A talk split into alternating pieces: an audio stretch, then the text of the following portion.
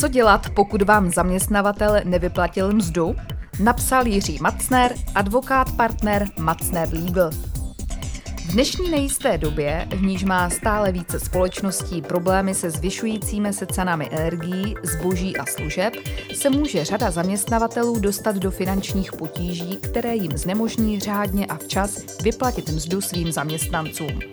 Jaké má možnosti a právní prostředky ochrany zaměstnanec, kterému zaměstnavatel nevyplatí mzdu buď vůbec nebo se značným spožděním? Řešení problému nevyplacené mzdy není vždy úplně jednoduché. Mnoho zaměstnanců má totiž ke svému zaměstnavateli osobní pouto, zejména po letech oboustranně fungující spolupráce, a je těžké ze dne na den odejít jen proto, že se zaměstnavatel dostal do náhlé finanční tísně. Na druhou stranu, každý zaměstnanec má i své vlastní závazky a nemůže a ani nemá povinnost pro zaměstnavatele pracovat zadarmo. Hlavní premisou, kterou poskytuje zaměstnancům zákon číslo 262 2006 sbírky, zákonník práce, v platném znění dále jen zákonník práce, je možnost okamžitého zrušení pracovního poměru v důsledku nevyplacení mzdy možnost okamžitého zrušení pracovního poměru. Podle ustanovení paragrafu 56 zákonníku práce zaměstnanec může se zaměstnavatelem okamžitě zrušit pracovní poměr jen pokud mu zaměstnavatel nevyplatil mzdu nebo náhradu mzdy, po případě jakoukoliv jejich část do 15 dnů po uplynutí období splatnosti. Podstatou a hlavním důvodem výkonu práce ze strany zaměstnance je bezesporu zajištění přísunu finančních prostředků. Pokud tedy není tento základní prvek pracovního poměru zaměstnavatelem plněn, má zaměstnanec právo pracovní poměr okamžitě ukončit. Zaměstnanci je tím umožněno, aby mohl pracovní poměr se zaměstnavatelem, který mu nevyplatí mzdu ani v dodatečné lhůtě 15 dnů od uplynutí období splatnosti mzdy, i hned ukončit a nemusel čekat například na uplynutí výpovědní lhůty. Podmínkou pro tento způsob okamžitého zrušení pracovního poměru zaměstnancem je jednak splatnost mzdy a současně marné uplynutí dodatečné lhůty stanovené zákonem v délce 15 dnů. Postup podle paragrafu 56 odstavce 1 písmene B zákonníku práce je však na místě pouze za předpokladu, že je nesporné, že zaměstnanec na nevyplacenou mzdu, po případě její část, má nárok a není v této věci mezi zaměstnancem a zaměstnavatelem žádný spor. Pokud by totiž bylo sporné, zda má zaměstnanec na požadovanou mzdu, po případě její část, nárok, právo na okamžité zrušení pracovního poměru z uvedeného zákonného důvodu by zaměstnanci nevzniklo a musel by se nejprve domáhat svého nároku na nevyplacenou mzdu soudně.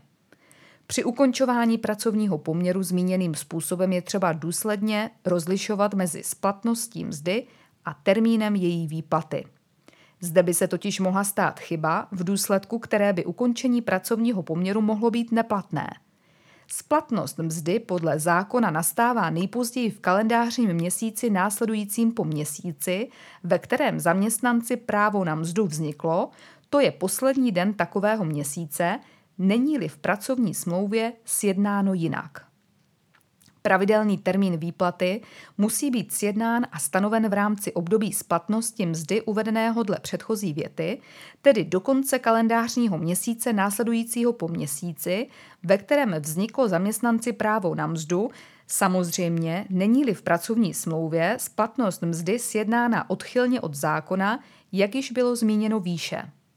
Pravidelný termín výplaty mzdy tedy může být v pracovní smlouvě sjednán například na 15. den měsíce následujícího po měsíce, ve kterém vzniklo zaměstnanci právo na mzdu.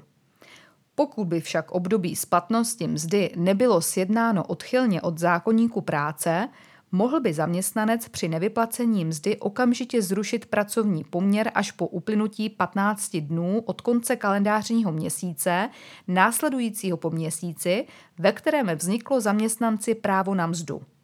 Nikoliv tedy po uplynutí 15 dnů od pravidelného termínu výplaty, pokud by tak učinil, bylo by okamžité zrušení pracovního poměru neplatné. Pro uplatnění důvodu okamžitého zrušení pracovního poměru podle paragrafu 56 odstavce 1 písmené B zákonníku práce je totiž zcela nerozhodné, kdy je u konkrétního zaměstnavatele stanoven termín výplaty. 15-denní lhůta se vždy odvíjí od okamžiku splatnosti mzdy a nikoli v termínu její výplaty. Zaměstnavatel nadto nemůže zabránit použití tohoto způsobu ukončení pracovního poměru zaměstnancem tím, že dodatečně po uplynutí 15 dnů od uplynutí termínu splatnosti všechny nároky zaměstnance uspokojí, a to třeba ještě dříve, než je mu okamžité zrušení pracovního poměru doručeno. Je tomu tak proto, že důvod k okamžitému zrušení pracovního poměru tímto způsobem nastal již uplynutím 15 dnů od termínu splatnosti mzdy. Náhrada mzdy a úpadek zaměstnavatele. Jestliže zaměstnanec se zaměstnavatelem pro nevyplacení mzdy okamžitě zrušil pracovní poměr, má rovněž právo na náhradu mzdy, a to ve výši průměrného výdělku za dobu, která odpovídá délce výpovědní doby. Výše náhrady mzdy se odvíjí od délky výpovědní doby a od výše průměrného výdělku zaměstnance, který okamžitým zrušením pracovní poměr rozvázal. Výpovědní doba podle zákona činí nejméně dva měsíce, nesmí tedy být nikdy kratší, může však být delší, například na základě ujednání v pracovní smlouvě. Průměrným výdělkem zaměstnance se pak rozumí jeho průměrný měsíční hrubý výdělek.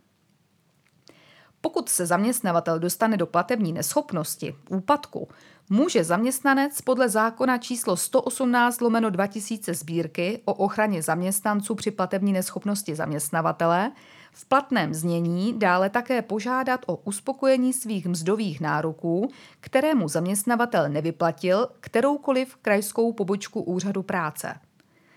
Na základě oprávněné žádosti Úřad práce v takovém případě zaměstnanci vyplatí částku odpovídající splatným mzdovým nárokům zaměstnance, maximálně však za tři kalendářní měsíce. Alespoň v tomto rozsahu se zaměstnanec dostane k části své nevyplacené mzdy a zbytek může uplatnit například přihláškou v insolvenčním řízení. Závěr. Nevyplacení mzdy umožňuje zaměstnanci jednak okamžitě ukončit se zaměstnavatelem pracovní poměr při splnění zákonných podmínek a současně také požadovat náhradu mzdy za období odpovídající délce výpovědní doby. Důvodem je, aby zaměstnanec získal, pokud možno vše, na co má podle zákona nárok a nepřišel zkrátka ani s ohledem na výpovědní dobu, která by jinak plynula v případě ukončení pracovního poměru klasickou výpovědí. V žádném případě by však zaměstnanec neměl zapomenout na požadovanou formu okamžitého zrušení pracovního poměru, který musí být učiněn v písemné formě a to pod sankcí neplatnosti. Pro Legal One Michaela Vašinová.